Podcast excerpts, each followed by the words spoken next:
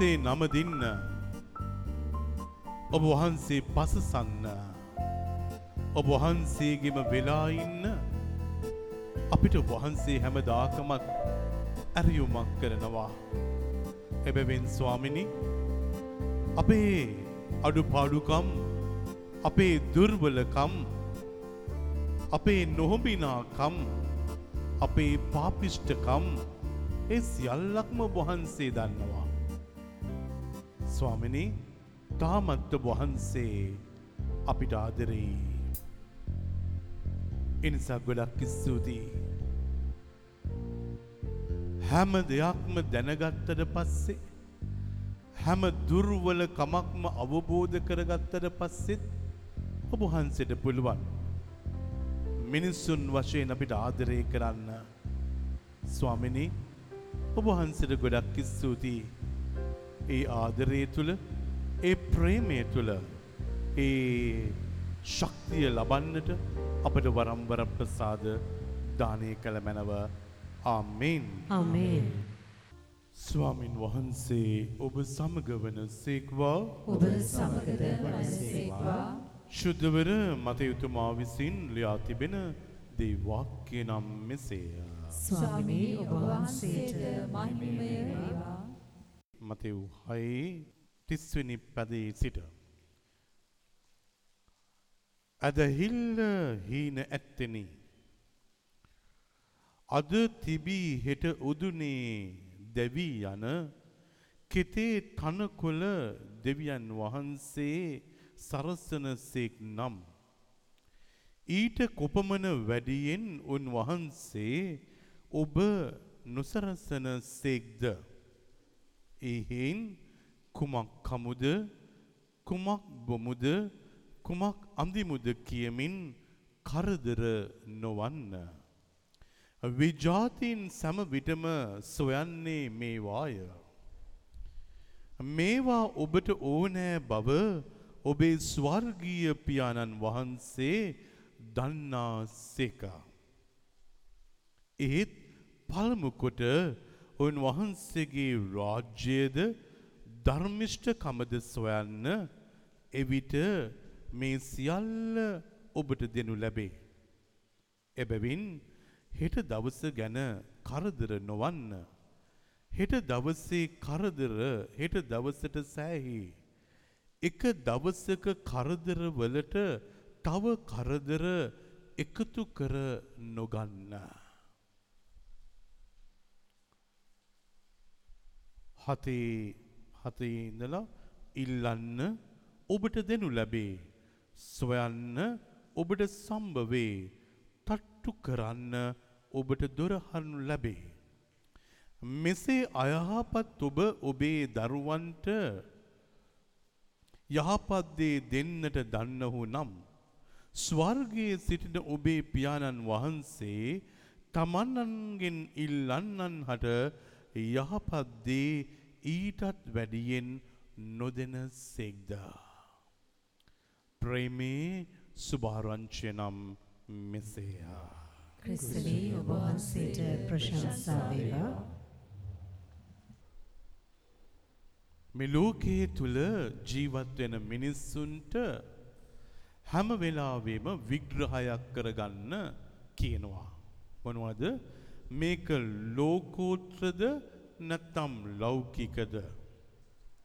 මේ ලෝකයට අයිති දේවල් ගැනද අපි කතා කරන්නේ නැත්නම් මේ ලෝකයට අයිති නැති ස්වර්ගික දෙයක්ද අපි කතා කරන්නේ?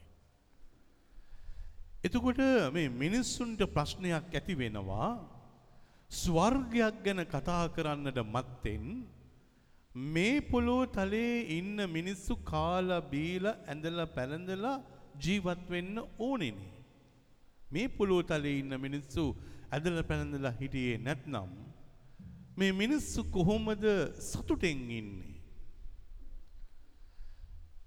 එතුර මේ ස්වාමින් වහන්සේව හොයන කවුරු හරි ඉන්නවා නම් ස්වාමින් වහන්සේ කියනවා ඔබ කුමක් කමුද කුමක් අඳිමුද කුමක් බොමුද කියලා ලත වෙන්න එපා මම මේ හැම දෙයක්ම ඔබට සපයනවා මම ඔබට හැම එකක්ම දෙනවා. මන් දන්න ඔබට ඕනි කියලා. ඔබ හොයලා බලන්න දෙවියන් වහන්සේව කවුරු හරි හොයන්න පටන් ගත්තට පස්සේ නේ ආවතේව නැත්තම් නිකන් ඇවිල්ලා රිචුවල් එකට ඇවිල්ලා යනවා නෙමෙයි. සමහර අයට පුළුවන් පූජාවට ඇවිල්ලා යන්න. සමහර අය කියන්නේ මම පූජාව බලන්න යනවා. නේ. මෙහෙයකට මෙහෙයක් බලන්න යනවා. හැබැයි ඔබ මේ මෙහෙයකදී හෝ දිව්‍ය පූජා යාගයකදී ඔබ ස්වාමින් වහන්සේව හෙව්වොත් ඔබේ ෆෝකස් එක තිබුණොත් ස්වාමින් වහන්සේ තුල ඔබගේ ඉන්ටෙන්ෂන් එක නේ ඔබගේ මේ මොහොතේදී තියෙන හදවතේ තියෙන ප්‍රාර්ථනාව තමයි වැදගත් වෙන්නේ. ඉන්ටෙන්ෂන් එක මොකක්ද? අද ඔබ සුපුවත් අරණ තුල මෙහෙට සම්බන්ධ වෙන්න පූජාවට ඔන්ලයින් එකෙන් වෙන්න පුළුවන් ෆිසිකලි වෙන්න පුළුවන් මොකක්ද ඔබේ අරමුණ? මේ අරමුණ තමයි ගොඩක් වැදගත් වෙන්නේ. හැබැයි ස්වාමින් වහන්සේ එතන පොඩි ක්ලියරන්ස් එකක් දෙනවා. මොනවද? ඔබේ අරමුණ විය යුත්තේ හැම වෙලාවෙම කන බොන එක ගැනවත් ඉඳුම් හිටුම් ගැනවත් ඔබගේ සුඛ වින්දනය ගැනවත් නොව. ඔබ කවදා හරි පටන් ගත්තොත් මාව හොයලා නේ දේව රාජ්‍ය කියන්නේ මේ වගේ ප්‍රබල දෙයක් කියලා මිනිස්සුන්ට හඳුන්වලා දෙන්න එදාට තමයි පටන් ගන්නේ ඔබට ඕන දේ ස්වාමින් වහන්සේ දෙන්න. එනිසා ගොඩක් අය දුක් විඳිද්දී මං අහලා තියෙනවා. ගොඩක් අය දුක් විඳිනවා. ඒගොල්ලන් මං අහලා තියෙනවා දවසකට දෙවියන් වහන්සේව ජීවත් කරවන්න ඔබ ගන්න පියවර මොකක්ද? නේ. ස්වාමි කෙනෙක් වශයෙන් මට මේ රිචුවල් එකේ ඉන්නත් පුළුවන්. ගීතිකා කණ්ඩායමට ගීතිකා කියන්න පුළුවන්. එතකොට කෙනෙක් කියාවි මම ගීතිකා කිව්වනේ. ඇයි මට ප්‍රශ්න ආවේ? මම පූජා උදව්වන සමිතියේ හිටියානේ. ඇයි මට ප්‍රශ්න ආවේ? මම මරිය හමුදාවේ හිටියානේ. වින්සන්ද පවුලා සමිතියේ හිටියානේ. මම ශ්‍රීහර්ද සමිතියේ හිටියානේ. මම පැරිස් කවුන්සිල් මෙම්බර් කෙනෙක්නේ. එහෙනම් ඇයි එහෙනම් මට මේ කරදර බාධක කම්කටොළු හැලහැප්පි මුක්කම ලැබුණේ? එතකොට අපිට මේ පොළොව තලයේ ජීවත් වෙන්න එක එක ආකාරයේ අවස්ථාවන් තියෙනවා. සමිති සමාගම් තියෙනවා, රැකිරස්සා කරන තැන් තියෙනවා, මේ පූජ්‍යකෙක් වශයෙන් මට මේ සුපුවත් අරණ තියෙනවා. නේ ඉතින් මේක තියෙනවා. සිස්ටර්ද කොන්වෙන්ට් එකක් තියෙනවා. අපි හැම තැනම ඉන්නවා. අපි හැම තැනම හැමදාම උදේ ඉඳලා හැන්දෑ වෙනකම්ම වැඩ කරනවා. අර වැඩේ මේ වැඩේ මේ වැඩේ මේ වැඩේ කරනවා.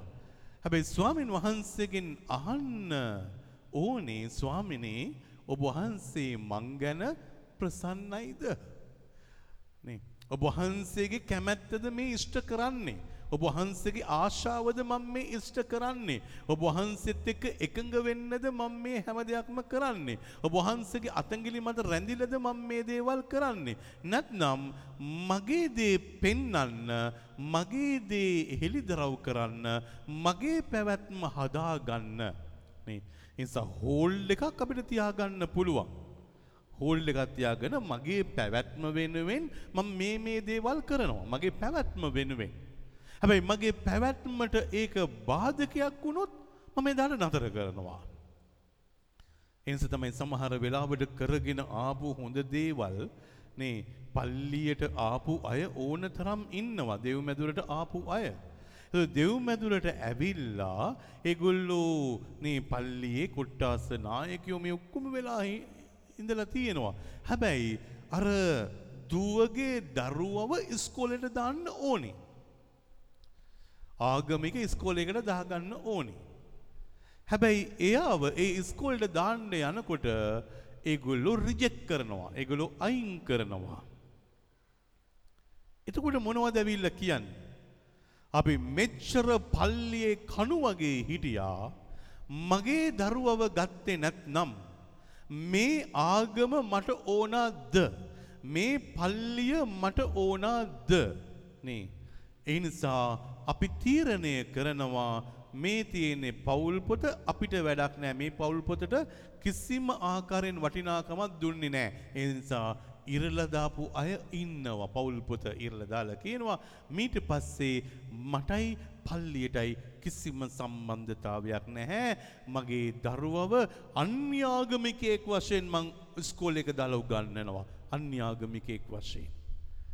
එතකොට රටන මේ තාත්ති පුතේ දුවේ. දැන් එනම් මේ ඉන්ටෙන්ෂන් එක මේ අරමුණ අපි හිටපු තැන මේ දෙවිය දේවරාජ්‍ය ගොඩනගන්න දෙවියන් වෙනුවෙන් කැප වෙන්න දෙවියන් වෙනුවෙන් කතා කරන්න කියන එක නැතුව ගිය දාට අපිට අවාසි එනකොට නේ අපි අත්හැරලා යනවා. ඒ නිසානේ මිනිසුන්ට නේ පේන බලන්න යන්න ඕනේ කියනවා ප්ලෑන් උස්සගෙන යන්න ඕනේ කියනවා හෝනියන් හොයන්න ඕනේ කියනවා ජප කරලාද කියලා බලන්න ඕනේ කියනවා නේ කොහේ හරි ගිහිල්ලා නූලක් බැඳ ගන්න ඕනේ කියනවා සුරයක් දාගන්න ඕනේ කියනවා ආරක්ෂාවක් කරගන්න ඕනේ කියනවා. දැන් මේ ඔක්කොම කරගන්න හදන්නේ මොනව නිසාද? මොනව නිසාද? අපි හිතනවා මට මේ පොළොව තලයේ තුල ජීවත් වෙන්න නේ මෙතනින් බැරිනම් අතනින් කරගන්නට ඕනේ. අතනින් බැරිනම් තවත් තැනකින් කරගන්නට ඕනේ. දැන් මේක තමයි මෙතන තියෙන ප්‍රශ්නය.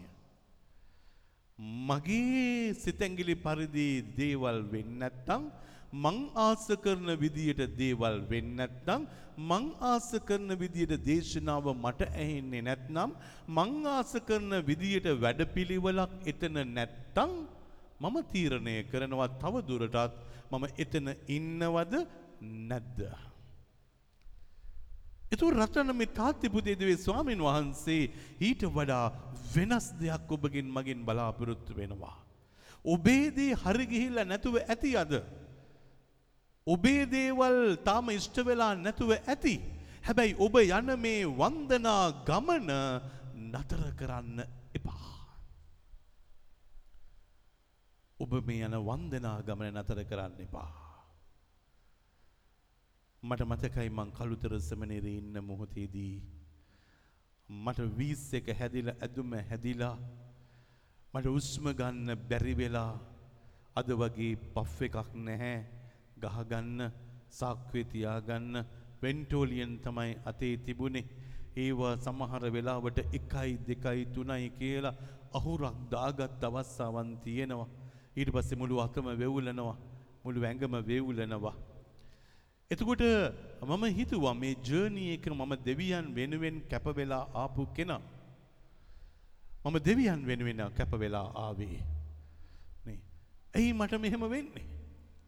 මයිනස් සෙමිනරියට ඇතුල් වුණ ගමම්ම නේ NSC විභාගයේ තිබුණා නැෂනල් එන්ට්‍රන්ස් එක සෙමිනරියේ ලකුණු අරගෙන වැඩි ලකුණු අරගෙන නේ යම මම ගියා. ඒ ලෙවල් කරලා ගිය නිසා සෙමිනේරි ටෙස්ට් එකට. එතකොට අම්පිටියේ එක්සෑම් එකෙන් ලකුණු වෙනවා. මම ෆෙයිල් එතකොට මං ඇහුවා ස්වාමිනී මම ඒ ලෙවල් කරලා මේ කාල පරිච්ඡේදයේදී මයිනස් සෙමිනේරියෙන් වැඩි ලකුණු අරගෙන මම නැෂනල් සෙමිනරි එකේ එක්සෑම් එකට ගියාම ඒක ෆෙයිල් නම් කාර්ය නේ මොකද්ද මගෙන් බලාපොරොත්තු වෙන්නේ වහන්සේ? ආයෙත් දෙවනි පාර ආයෙත් කරා. වැඩි ලකුණු අරගෙන ආයෙත් ගියා. රිසල්ට්ස් ආවා ආයෙත් ෆෙයිල් මං බැලුවා දැන් මොකද්ද කරන්නේ? රෙක්ට කතා කරලා කියනවා නේ you have to work hard. You have to do something. එතකොට මම බැලුවා කොච්චර මහන්සි වෙනවද? මම දවසකට ට්‍රාන්ස්ලේෂන් පහක් කරනවා. එසේස් තුනක් ලියනවා. කම්ප්‍රහෙන්ෂන් කරනවා. ග්‍රැමර් කරනවා. මේ හැම දෙයක්ම දවසකට මං හිතන්නේ පේපර්ස් ලියනවා ෆාදර් වැලිවිටට දෙනවා කරෙක් කරගන්නවා. ඉතින් මම සන්නද්ධයි ඒ වෙලාවේ. හැබැයි මනුස්ස මට්ටම තුළ මට හිතෙනවා කොහෙදෝ තැනක වැරදිලාද? මොකද මේ වෙන්නේ? ස්වාමින් වහන්සේ මගේ ඉවසීම කොච්චරද කියලා බැලුවා. මව ෆෙල් වෙනකොට මට ඉන්න පුළුවන්ද. මට බැරි වෙනකොට එතන ඉන්න පුළුවන්ද? මට අගෞරවයට මම පත් වෙනකොට මට එතන ඉන්න පුළුවන්ද? ඒක ස්වාමීන් වහන්සේ බැලුවා හොඳටම. හිත එනවා ෆෙයිල් වෙනකොට දාලා යන්න. හිත එනවා ෆෙයිල් වෙනකොට අතහරින්න. ගිවප් කරන්න. මේක දේව සලස්ම නෙමෙයි මේක දෙවියන් වහන්සේගේ ආශිර්වාදයක් නෙමෙයි. එහෙනම් මම ආයෙත් ගෙදර ගිහිල්ලා රස්සාවක් තුල ජොබ් එකක් තුල මේ විවාහ ජීවිතයකට යන්නට ඕනේ සිතුවිලි එනවා. සිතුවිලි එනවා. සෙමනේරේ ඉන්නකොට දැන් පාස් වෙලා ගියා. නේ එක්සම් කළුතරට ගිහිල්ලා ඇතුමත් එක්ක ඉන්න බෑ. නේ ෆයිනල් රිපෝට් එක ලියනකොට ෆාදර් සෑම්ට මං ගිහිල්ලා කිව්වා මම හිතන්නේ මම ස්වාමි කෙනෙක් වෙන්න සුදුසු නැහැ. මට මේ කාලේ උස්ම ගන්න බෑ. මට වීස් එක මට ඇදුම. ඒ නිසා මම හිතනවා තවදුරටත් මම සෙමනේරියේ ඉන්න එක සුදුසු නැහැ ස්වාමි කෙනෙක් වෙන්න. ඒ නිසා මම ගෙදර යන්නම්. එතකොට අර ආයෙත් පරීක්ෂාව ඇයිඒ මම විශ්වාස කරගෙන හිටියා නේ මම හෙල්දිනං මම නිරෝගී සුවයෙන් ඉන්නවනං මට ස්වාමි කෙනෙක් වෙලා සේවය කරන්න පුළුවන්. නිරෝගී සුවේ තියෙන්න්නට ඕනේ මොනවාහරි කරන්න. මෙතන කී දෙනෙක් ඇවිල්ලා ඉන්නවද නිරෝගී සුවේ නැති නිසා ඔබ හිතෙනවා මට දැන් සුවයක් නැත්නම් කිසිම දෙයක් කරන්න බෑ. මට බලයක් නැත්තම් කිසිම දෙයක් කරන්න බෑ. මම ස්වාර්ථක නැත්තම් ඒ ෆීල්ඩ් එකේ මට කිසිම දෙයක් කරන්න බෑ. මගේ ජීවිතෙත් එහෙම හිතුවා. හැබැයි ෆාදර්ට ශුද්ධාත්ම අනුහස තුල කියවුණා නේ. එහෙමම කිව්වා ආදරෙන් උඹ ඵලයන් පුතේ. උඹ ඵලයන් සෙමිනේරියේ දිගටම ඵලයන්. උඹට පුළුවන් ස්වාමි කෙනෙක් වෙන්න. එතකොට මගේ දුර්වලකමේදී මගේ රෝගයේදී මගේ ප්‍රශ්නයේදී මගේ නොවටිනාකමේදී මගේ නොසුරුසුසුකමේදී මම තීරණය කරනවා පූජාත්‍රයට යන්න තරම් මම මේ ස්වාමි කෙනෙක් වෙලා කොහොමද දේශනා කරන්නේ? කොහොමද මෙහෙවර කරන්නේ? ඇද ඇද. දෙවියන් වහන්සේ ඒ මගේ ෆේලිය එක තමයි ඒ පරාජිත මොහොත තමයි දෙවියන් වහන්සේව තවත් හොයන්න අවස්ථාවක් කරලා දුන්නේ. ඒ නිසා මට එතනින් එහාට හොයන්න දෙයක් නැහැ. මට හොයන්න තිබුණේ ඊට පස්සේ ස්වාමින් වහන්සේගේ බලය ස්වාමින් වහන්සේගේ ආශිර්වාදය ස්වාමින් වහන්සේගේ මඟ පෙන්වීම ස්වාමින් වහන්සේගේ ස්පර්ශය. රත්‍රන මේ තාතිපති දුවේ සෙමිනේරී දැන් සෙකන්ඩ් ඉයර් ෆිලොසොෆි කරලා ඉන්නකොට හදිස්සියේ ගෑනු ළමෙක් පණිවිඩයක් එවෙනවා.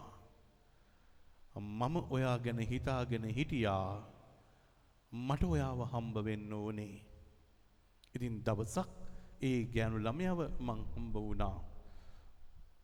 අපේ නෑදෑ ගෙදරක ඒගොල්ලන්ටත් කියලා මොකද්ද කියලා අහන්න. ඒතකොට එයා කියනවා මම ඔබ ගැන හිතාගෙන හිටියා ඔබට පුළුවන්ද එන්න? මට බඳින්න ඕනේ. ආයෙත් මනුස්ස මට්ටම තුළ හිතෙනවා. එක පැත්තකින් ස්වාමි කෙනෙක් වෙන්නට ඕනේ. මෙහින් ඇවිල්ලා ගෑනු ළමෙක් කියනවා මං හිතාගෙන හිටියා මට කියන්න බැරුව ගියා. දැන් ඔබ ආයෙත් මට අයිති වෙනවද? හැබැයි එතකොට කියන්න තිබුණේ මම මේ ගමන දෙවියන්ත් එක්ක යන ගමනක්. ඒක මං හොයන්න පටන් ගත්තා. ඒ ස්වාමින් වහන්සේත් එක්ක මම යන්නට ඕනේ. ඒ නිසා මට සමා වෙන්න. ඒක කන්ටිනියු කරා පූජාත්‍රයට යන්න. එතන සිත්‍රිදීමක් ඇති වුණත් බැහැයි කියන්න තිබුණා.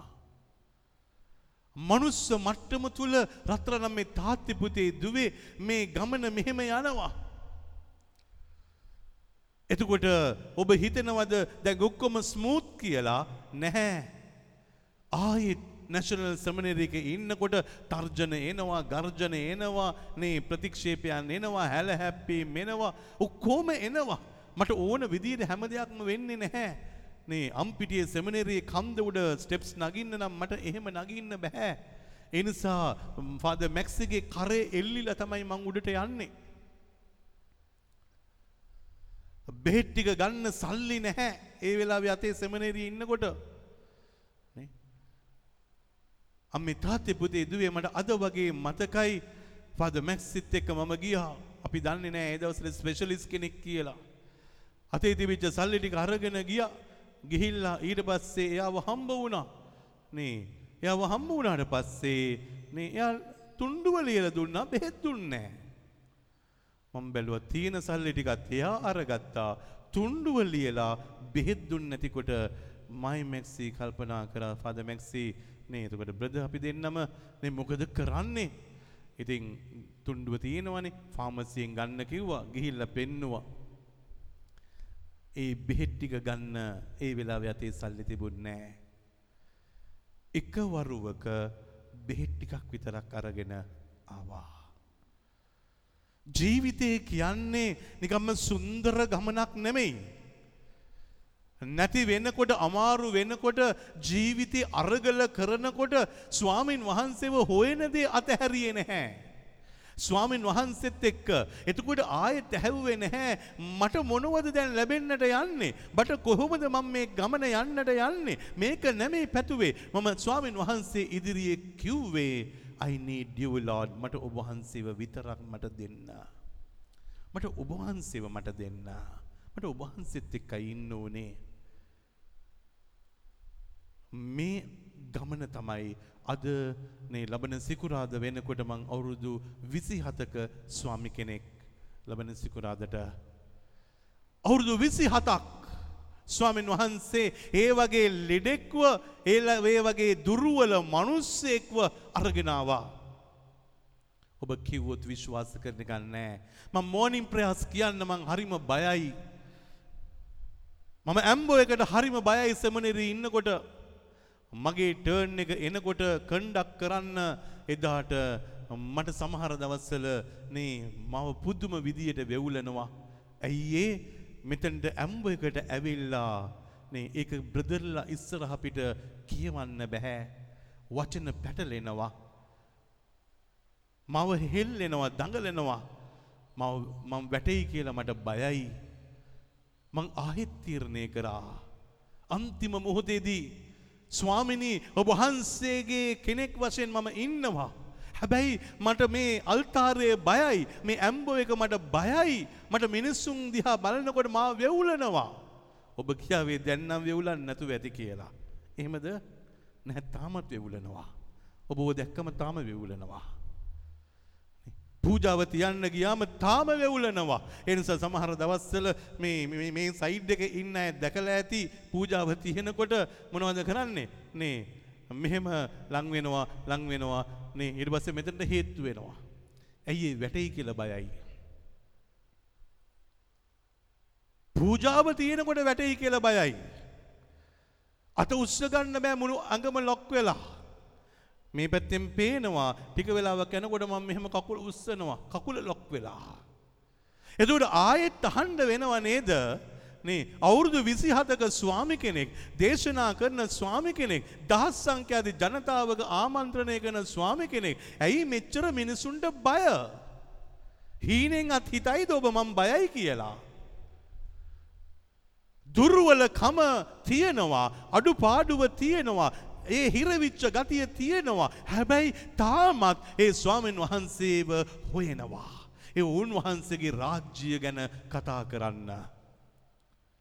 එන්ස රත්‍රන්න මේ තාත්තිපුති දුවේ. මේ භූමියේදී නේ එක්තරා ගිය අවුරුදු හැරි නෑ අවුරුදු 3 4කට ඉස්සර නත්තල් උත්සවය කරද්දී නේ ගායක ගායිකාවෝ තමයි ඔබ මතක ඇති. නේ අපි ගීත භාවනාවක් කරා කාඩිනල් වහන්සේ ඔක්කොමත් එක්ක මාත් මෙතන පුටුවේ ඉඳගෙන හිටියා. හැබැයි මාව දැන් වැටෙන්නම යනවා වගේ. ඒ නිසා මම කකුල මෙහෙම කරනවා මෙහෙම කරනවා. බලාගෙන හිටපු කීප දෙනෙක් මට ඊට පස්සේ කෝල් කරලා කියනවා ෆාදර් වැටෙන්න ගියාද? ෆාදර් බයෙන්ද හිටියේ? මං කිව්වා ඔව්. එතකොට රත්නම් මේ තාත්තේ පුතේ දුවේ මේ දේව කර්තව්‍ය කරගෙන යනකොට මේ හැම දෙයක්ම තාමත් තියෙනවා. රෝගයන් සුව වෙලාද නැහැ. ඊට වඩා රෝගයන් වැඩි වෙලා. ප්‍රශ්න අඩු වෙලාද නැහැ සමහරලාට ආර්ථිකය කිසිම දෙයක් කරගන්න බැහැ එකවුන් සෙක්ෂන් එකෙන් කියනවා නේ ශල්ලි කියනවා ෆාද මට සල්ලි දෙන්න මට සල්ලි දෙන්න මේ මේවා බිල්ස් ටික සෙටල් කරන්න ඕනේ හැබැයි බිල්ස් ටික සෙටල් කරන්න මට දෙන්න සල්ලි නැහැ මම ඇයට කියනවා මට අද දවස දෙන්න. මං කොහේ හරි ගිහිල්ලා කීයක් හරි ඉල්ලගෙන එන්නම්. කොහොම හරි මේ සල්ලික මම ගෙනන් දෙන්නම්. මේ බිල්ස් ටික ලයිට් බිල ගෙවන්න අරක කරන්න මේ කරන්න නේ දෙන්න කියලා. එතකොට කියන විදියට සල්ලි ටික අරන් දෙන්න සල්ලි නැහැ. එතුර ආයෙත් හිතෙනවා දෙයනේ ප්‍රොජෙක්ස් නම් කොච්චර කරලා ඇතිද? ස්ප්‍රිතාල හැදුවා පල්ලි හැදුවා අලි වැටවල් හැදුවා මොන තරම් දේවල් කරත් මේ එක නේ පුංචි රුපියල් දහදාහක් නැහැ ඒ වෙලාවේ බිලක් ගෙවා ගන්න. එතකොට ආයෙත් හිතෙන්නට ඕන නැද්ද? නේ ඒ නිසා මම දෙපාරක් විතර ගිහිල්ලා දැන් කතා කරා ජීප් එක විකුණන්න. ඒ වාහනේ විකුණලා අඩුම ගානේ දැන් අපි ජීවත් වෙන්නට ඕනේ. මනුස්ස මට්ටම තුල අහන්න වෙනවා දෙයියනේ. මේ ඔක්කොම කරද්දී ඔබ වහන්සේගේ රාජ්‍යය ගොඩනගන්න හදනකොට ඇයි තාමත් මේ පීඩනය නිදහස් වුණේ නැත්තේ? මේ කරදර ඉවර වුණේ නැත්තේ? ප්‍රශ්න ඉවර වුණේ නැත්තේ? රෝගය සුව වුණේ නැත්තේ? ඇයි කියලා අහන්න හිතෙනවා. නමුත් මේක තමයි ඇත්ත. අපි හිතනවා අපි දෙවියන්ව අදහන නිසා ප්‍රශ්න තියෙන්න බැහැ. දෙවියන්ව දන්න නිසා රෝගි වෙන්න බැහැ. දෙවියන් වහන්සේව දන්න නිසා ආර්ථිකයේ කඩාගෙන වැටෙන්න බැහැ. දෙවියන් වහන්සේ දන්න නිසා මගේ පුතා හොඳට ඉන්න ඕනේ, දුව හොඳට ඉන්න ඕනේ, මේ ඔක්කොම තියෙන්න ඕනේ කියලා. මගේ එක්තරා දවසක කෙනෙක් අහනවා දැන් ඔබ ජේසුනි සුව කරන්න ජේසුනි කියලා කෑ ගහනවනේ. ඒ ජේසුට බැරිද ඔබව සුව කරන්න. ඇයි ඔබ තාම ලෙඩෙක් වෙලා ඉන්නේ. ඒ ජේසුට බැරිද ඔබ සුව කරන්න. ඔබ කෑ ගහනවන ජේසු ඔබ ඇවිල්ලා ස්පර්ශ කරන්න නිදහස් කරන්න සුව කරන්න ඒ පිළිකා රෝගයෙන් නිදහස් කරන්න ඒ අංශ භාග රෝගයෙන් නිදහස් කරන්න ඒ වකු ගඩුවෙන් නිදහස් කරන්න. ඇයි උන්වහන්සේට බැරිද ඔබව නිදහස් කරන්න. මං කවදාක්වත් ඉල්ලලා නැහැ. මං ජේසුට කියන්නේ ජේසුනි මාව සුව කරන්න කියලා. ජේසුට කියන්නේ නැහැ මාව ශක්තිමත් කරලා තියාගන්න ඔබ වහන්සේ කියලා. මං කියන්නේ ස්වාමිනේ අන්තිම මොහොත දක්වා මැරෙන තාක්කල් ඔබ වහන්සේ ගැන කතා කරන්න ජීවත් වෙන්න අවසරය දෙන්න. එච්චරයි. වෙන කිසිම දෙයක් ඉල්ලන්නේ නැහැ. ඔබ වහන්සේ වෙනුවෙන් කවද හරි ජීවත් වෙලා මිය ඇදෙන්නට ඕනේ. හැබැයි තාම මිය ඇදිලා නැහැ. තාම මිය ඇදිලා නැහැ. මේ කාලයේදී පරීක්ෂාවන් ගොඩයි. ඒ නිසා පහුගිය දවසක නාගෙන ඉන්නවා රෑ නාගෙන ඉන්නකොට නේ සබන් ගහන්න කකුලට නැමෙනකොට මම බැලුවා කකුලේ දනිස්ස පල්ලහැ ලොකු කළු පාට ඉරක් තියෙනවනේ. මම බැලුවා මොකද්ද කියලා කකුලේ ගරුඩෙක් නැගලා. මම හිමින් සිරුවේ කකුල ගසලා දාලා ඊට පස්සේ ඌව මරලා දැම්මා. ඊට පස්සේ දවස් තුන හතරකට ඉස්සර දැන් යනකොට මගේ නේ දුර ළඟ පොළඟෙක් ඉන්නවා.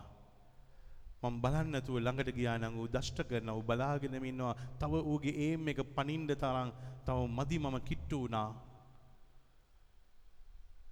ස්වාමීන් වහන්සේ ආයෙත් ඌව පෙන්නවා. පෙරේද ඊයේ හරි පෙරේද හරි නේ මම මේ කොරිඩෝ එක දිගේ යනවා කෑම කාලා ජුට්ටත් පිටිපස්සෙන් එනවා හැබැයි මං ගිහිල්ලා පහුවෙලා ගියාට පස්සේ ජුට්ටත් කියනවා ෆාදර් මං ඇයි පොළඟෙක්. ඌ සර්පයා මම පහු කරගෙන ගිහිල්ලා. අම්මේ තාත්තේ පුතේ දුවේ මනුස්ස මට්ටම තුල හැමදාම පරීක්ෂාවන් තියේවි. හැමදාම ප්‍රශ්න තියේවි.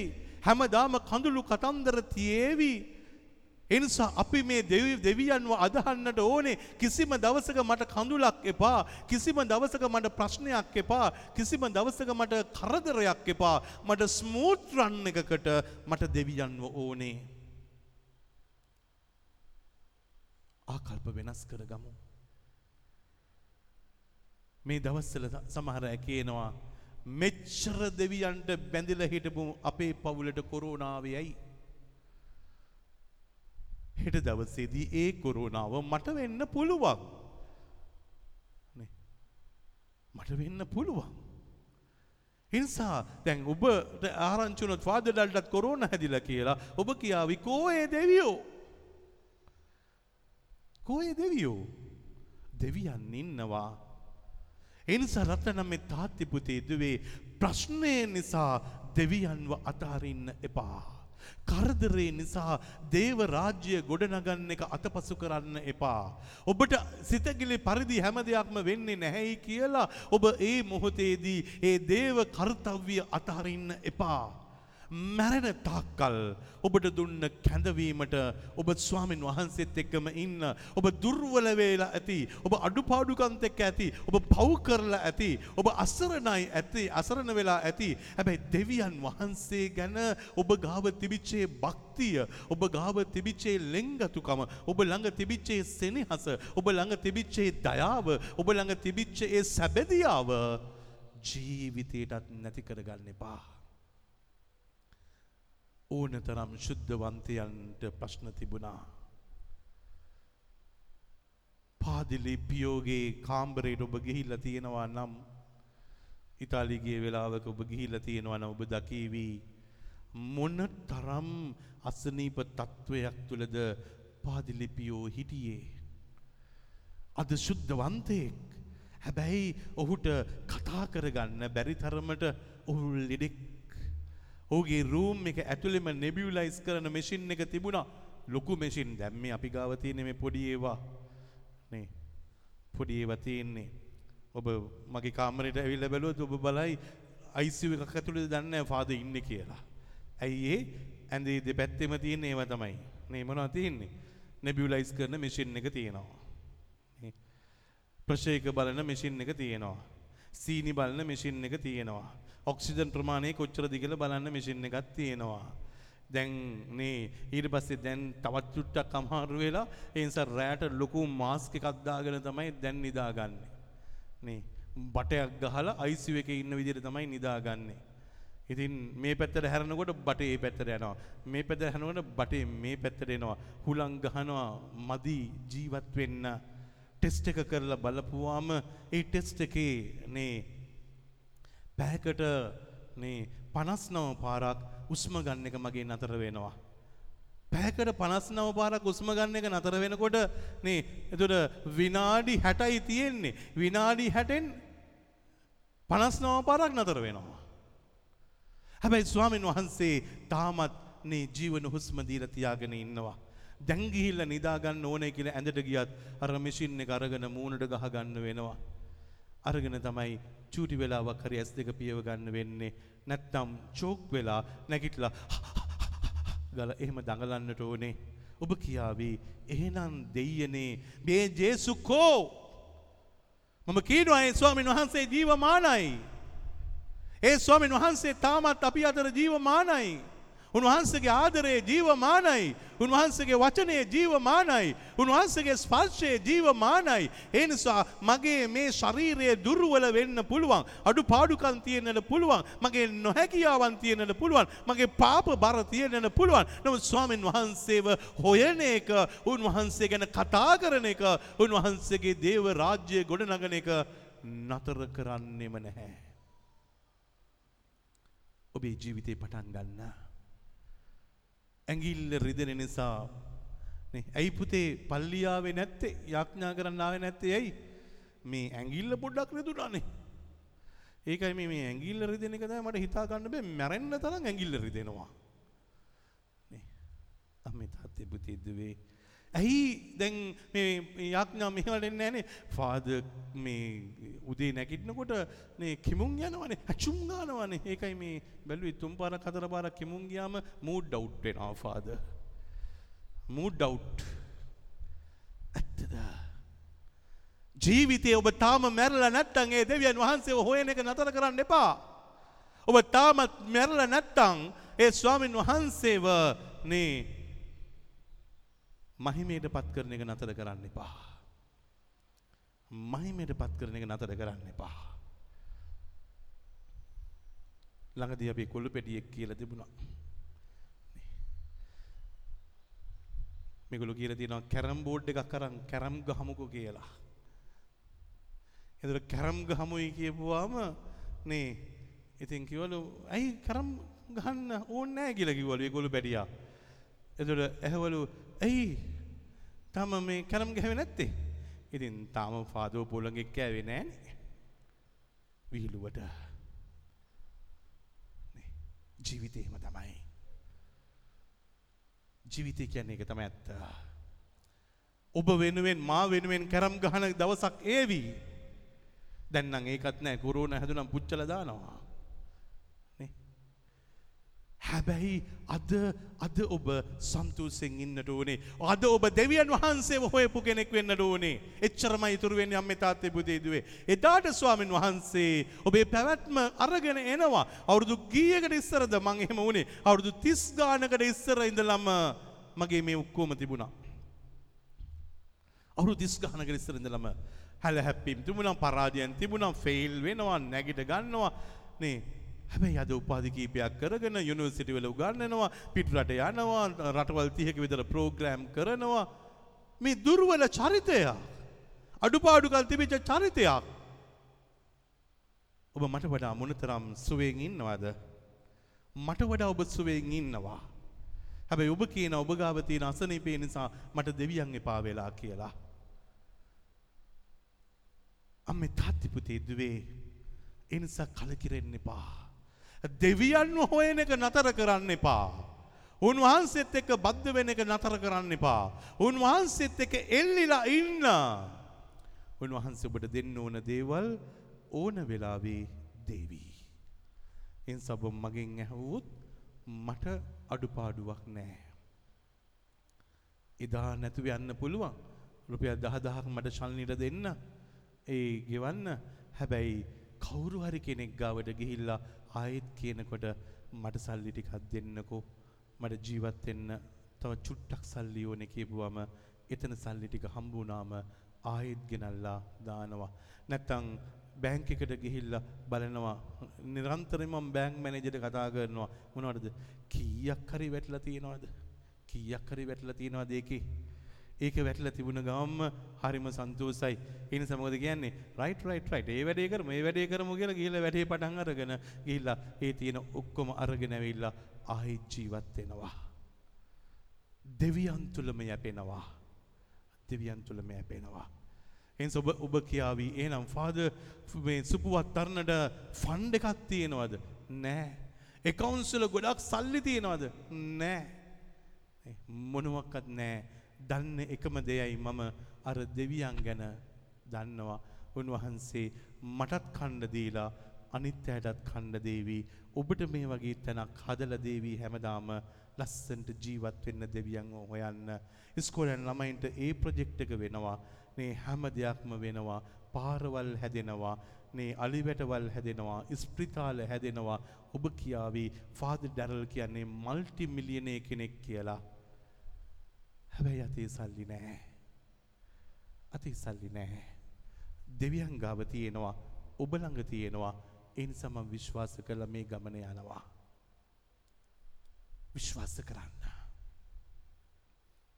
විශ්වාස කරන්න. ඒ නිසා දාලා යන්න එපා. අඳුර මැදින් එළිය ගලන්නට ඕනේ. නැගිටින්න අපි හැම කෙනෙක්ම විශ්වාස කරන්න. අත හරින්න එපා පුතේ දාලා යන්න එපා. දාලා යන්න එපා.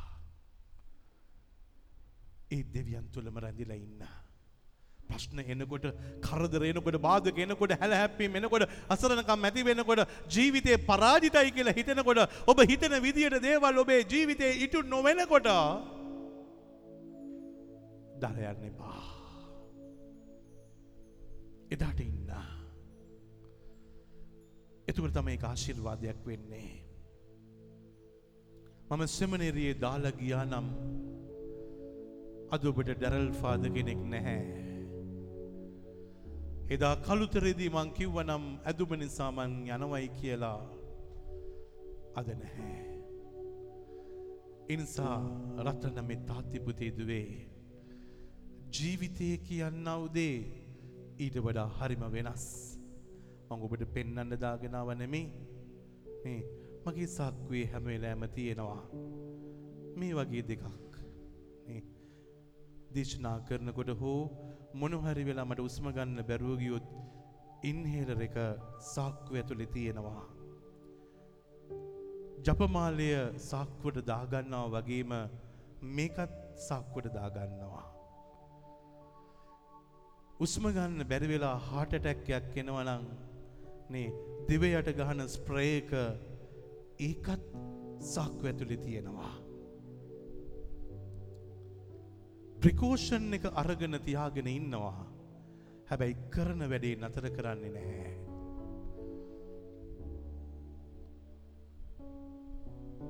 දෙවියන් ගැන කරන වැඩේ නතර කරන්නේ. ඔබේ ජීවිතේ අහල බලන්න. පොඩි පොඩි ප්‍රශ්න එනකොට කරදර එනකොට ඔබ කොච්චර නම් මේ දෙවියන්ට බැන්නද? මේ දෙවියන් වහන්සේත් එක කොච්චර ඔබ සණ්ඩු කරලා තියෙනවද? මට ආගම එපා වෙලා කියලා කියල නැද්ද? මීට පස්සේ මම පල්ලි යන්නේ නැහැ කියලා කියල නැද්ද? ඇවැස්වාමන් වහන්සේ ඔබ මා ගැන ඉවසනවා. එනිසා දාලයන්න එපා. අද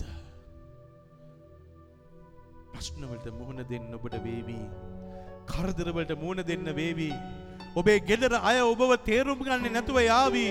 ඔබ ආදරය කරන කෙනා ඔබ ප්‍රතික්ෂේප කරල දමාවී. එක කුසේ ඉපදිච්ච අය ඔබත් එක නඩු කියන්න ඒවී. හැබැයි දෙවියන් වහන්සේ වත හැරලා තැනින් තැනට යන්න එපා. ස්වමන් වහන්සට කියන්න. ඔබ වහන්සට මං ආදරෙයි මන්දාල යන්නේ නෑ. අඳුර මැදින් එලියක් කලනවා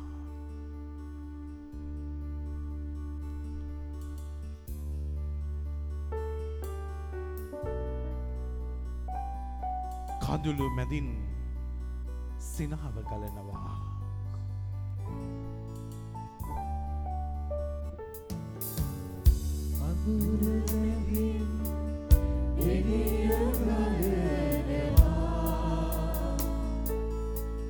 කඳුළු මැදින් සිනහනගනවා අඳුර මැදින්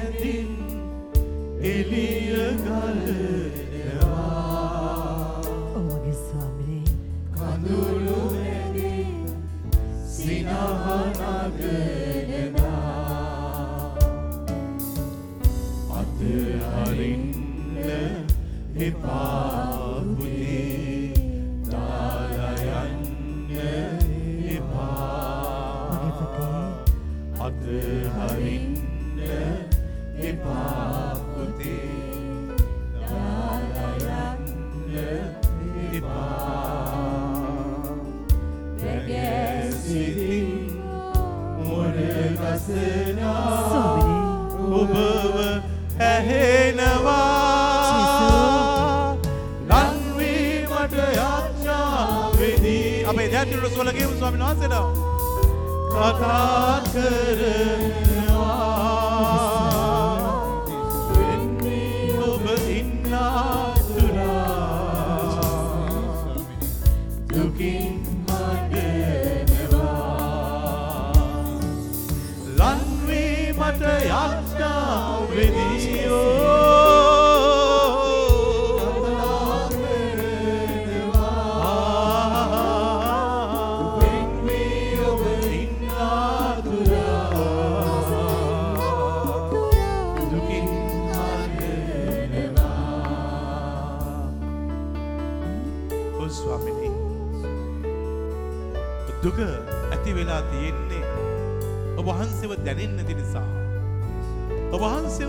වෙලාවට හැඟෙන්නේ නැහැ. ඔබ වහන්සේ මා තුළ ජීවමානයි කියලා වැටහෙන්නේ නැහැ. ප්‍රශ්නය ලොකු වෙනවා. කරදරේ ලොකු වෙනවා. ණය තුරුස් ටික ලොකු වෙනවා. පරාජිත හැඟීම ලොකු වෙනවා. අසාධාරණය ලොකු වෙනවා. තෙහෙට්ටුව වැඩි වෙනවා. ජීවිතේ අතරමං වෙලා කියලා දැනෙනවා. ස්වාමිනේ ඔබ වහන්සේට වඩා වෙනස්. ඊට වඩා වෙනස්. මං තනි වුණා වගේ දැනුණා. හැබැයි වහන්සේ තනි කරලා නැහැ. මට දැනෙන්න ඉඩ හරින්න. වහන්සේ මාත් එක්ක ඉන්නවයි කියලා. ඉඩහරින්න ස්වාමිනේ. කඳු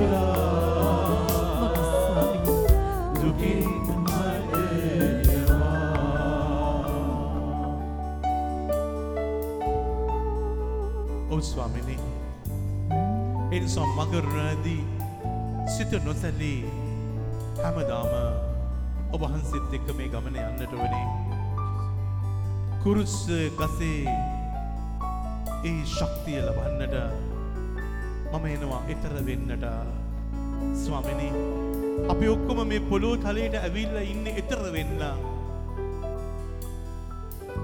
හැබැයි අපිට එතර වෙන්න කොච්චර සල්ලි තිබුණත් ඒක අල්ලගෙන එතර වෙන්න බැහැ. කොච්චර නිරෝගී සුවේ තිබුණත් අපිට ඒක අල්ලගෙන එතර වෙන්න බැහැ. අපිට කොච්චර ආදරවන්ත ආදරවන්තයන් හිටියත් ඒගොල්ලන් අල්ලගෙන එතර වෙන්න බැහැ. මට ඔබ වහන්සේ වත හැරුණොත් එනි සත් දෙක වැඳගෙන ඇස් දෙක වහගෙන බලන්න. ඔබ ස්වාමින් වහන්සේට අයිතිද? ඔබ අයිතිද ස්වාමින් වහන්සේට? ඔබ උරුමක්කාරයෙක් වෙලා තියෙන්නේ ඔබේ වත්තටද? ඔබේ දේපල වලට ඔබ උරුමක්කාරයෙක් ඔබේ භාර්යාවට ඔබ උරුමක්කාරයෙක්. ඔබේ ස්වාමිපුරුෂට ඔබ උරුමක්කාරයෙක්. ඔබේ දරුවන්ට ඔබ උරුමක්කාරයෙක්. ඔබේ යාන වාහනවලට ඔබ උරුමක්කාරයෙක්. අහල බලන්න ඔබ දෙවියන් වහන්සේ තුළ උරුමක්කාරයෙක්ද? ඒ පුත්‍ර භාවයට උරුමක්කාරයෙක්ද? ඒ දූ භාවයට උරුමක්කාරයෙක්ද? ඔබ මා මිය ඇදිච්ච දවසේදී මිහිදන් කරන දවසේදී ඒ කිසිම උරුමයක් ඔබට අරගෙන යන්න බැහැ කිසිම උරුමයක් අරගෙන යන්න බැහැ හදිස්සි හරි ඔබගේම කෙනා මිය ඇදිලා පෙට්ටියේ දාලා වලේ තිබ්බට පස්සේ ඔබට ඒ පෙට්ටිය ඇතුළට බහින්නවත් බැහැ. ඔබ බහින්න හැදුවත් අනිත් අයට බහින්න දෙන්නෙත් නැහැ. එනිසා ඔබ යන්නේ තනියම. ඔබේ දේපල ඔක්කොම ඔබ අතහැරලා යන්නේ. ඔබේ වස්සුව අතහැරලා යන්නේ. මේ ඔක්කොම අපිට ඕන දේවල් ජීවත් වෙන්න. හැබැයි දෙවියන් වහන්සේව අතහැරලා මේ ඔක්කොම අල්ලගත්තත් වැඩක් නැහැ. ඔබ ගාව තියෙන කිසිම මෙෂින් එකක් ඔබත් එක්ක ඉන්නේ නැහැ. ඔබ ගාව තියෙන කිසිම්ම වාහනයක් ඔබත් එක්ක පෙට්ටියට යන්න එන්නේ නැහැ. ස්වර්ගීයට යන්න තියෙන එකම ශක්තිය ඒ ස්වාමින් වහන්සේගේ ස්පර්ශය විතරයි. ඉන්ස ස්වාමින් වහන්සට කියන්න මගනු රැඳී මම එන්නම වහන්සෙත් එක්ක යන්න.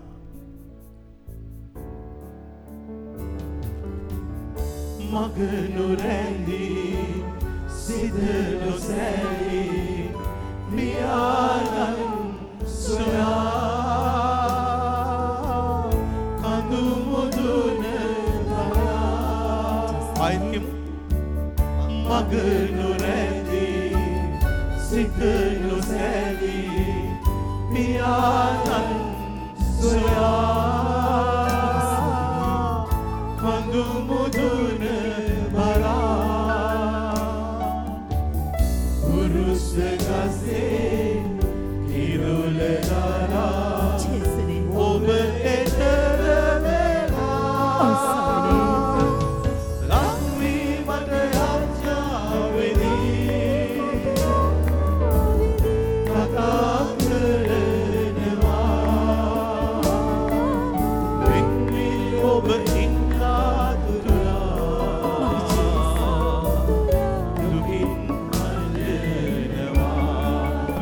කෑ ගහලා කියමුද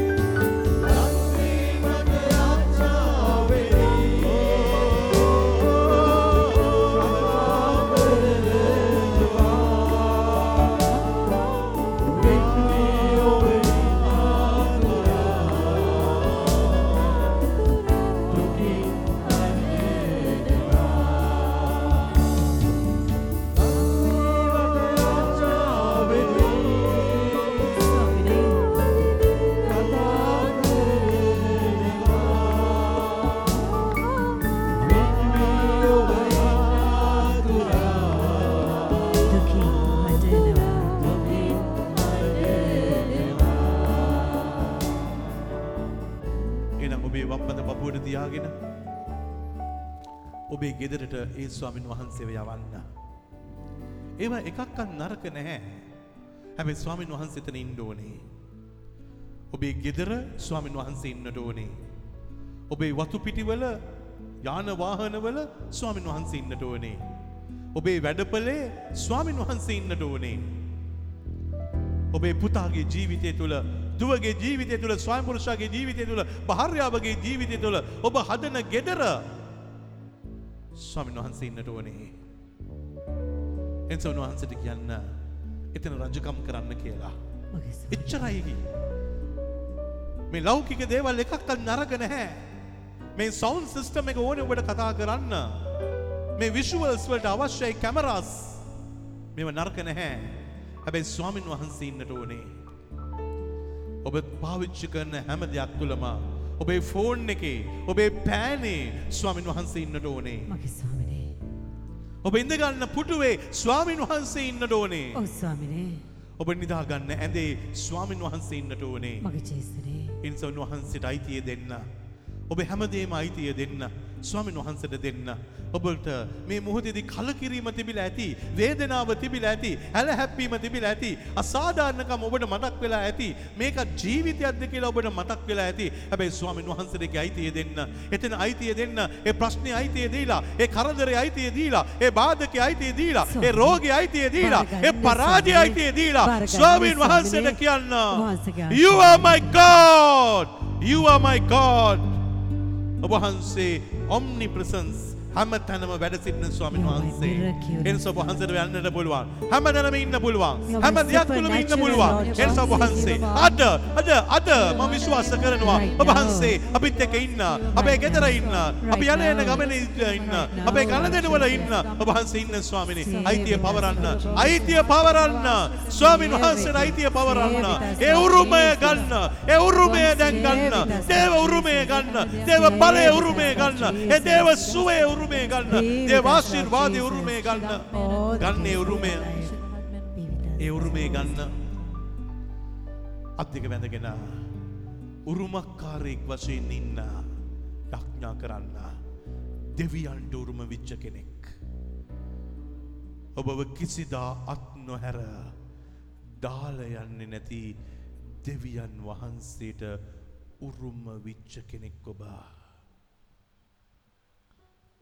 ප්‍රශ්න ලෙඩ කරදර බාධක සිත්‍රිදීම් ඔක්කොම තියෙනවා.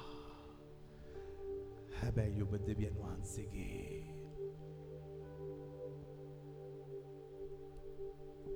ඔබ විසඳනවා නෙමේ ස්වාමින් වහන්සේ විසඳනවා.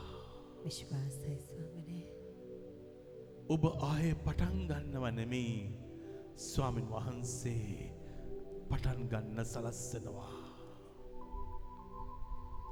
ඔබ අල්ල ගන්නව නෙමේ ස්වාමින් වහන්සේ අල්ල ගන්න සලස්සනවා. එක තමයි වෙනස. ඔබ අල්ලගත්ත දේ අතහැරේවී.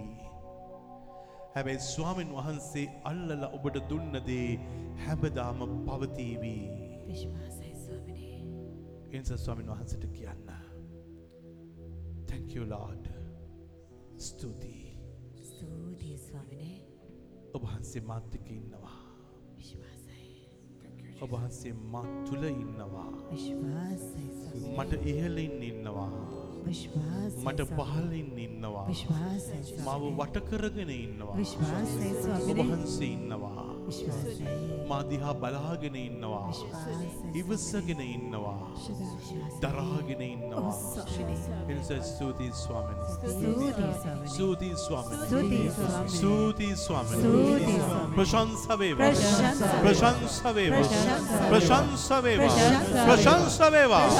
ස්වාමිනේ. ප්‍රශංස වේවා. ප්‍රශංස